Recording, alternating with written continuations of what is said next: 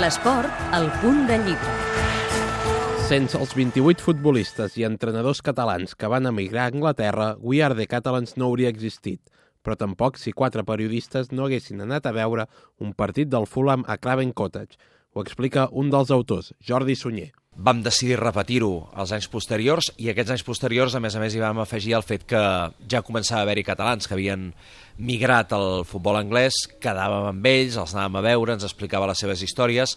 Aleshores vam creure que tot això que ens explicaven ells, eh, arran d'aquests viatges, li podíem donar sortida i, i explicar-ho perquè era prou interessant i aquí neix una mica la idea de We Are the Catalans. Des de les trajectòries més conegudes, com la de Robert Martínez, fins a protagonistes pràcticament anònims, un total de 28 històries on l'èxit i el fracàs estan separats per una línia molt fina. Hi ha casos de tot, és a dir, hi ha gent que ha triomfat, l'Àngel Rangel és el cas més evident, l'Oriol Romeu tot i la lesió, però també hi ha casos de, de jugadors d'aquí que el futbol anglès no han acabat de, de triomfar per les raons que sigui també que, que expliquem al llibre, és a dir, no és un, és un llibre blanc, en el sentit que no busquem eh, la polèmica, però és un llibre on hi ha un ventall d'experiències, tant positives com negatives. Però com diu l'altre autor del llibre, Àlex Castells, We Are the Catalans travessa les fronteres del món de la pilota per explicar al lector una forma de vida diferent de la nostra. Aquesta era, en certa manera, la intenció, no? que tingués una miqueta de, de tot, no? que hi hagués elements de,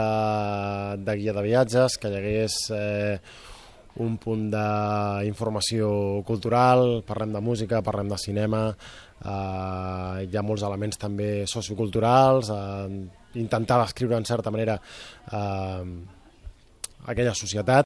We Are the Catalans, editat per Fora de Joc, es pot comprar a les llibreries per 15 euros.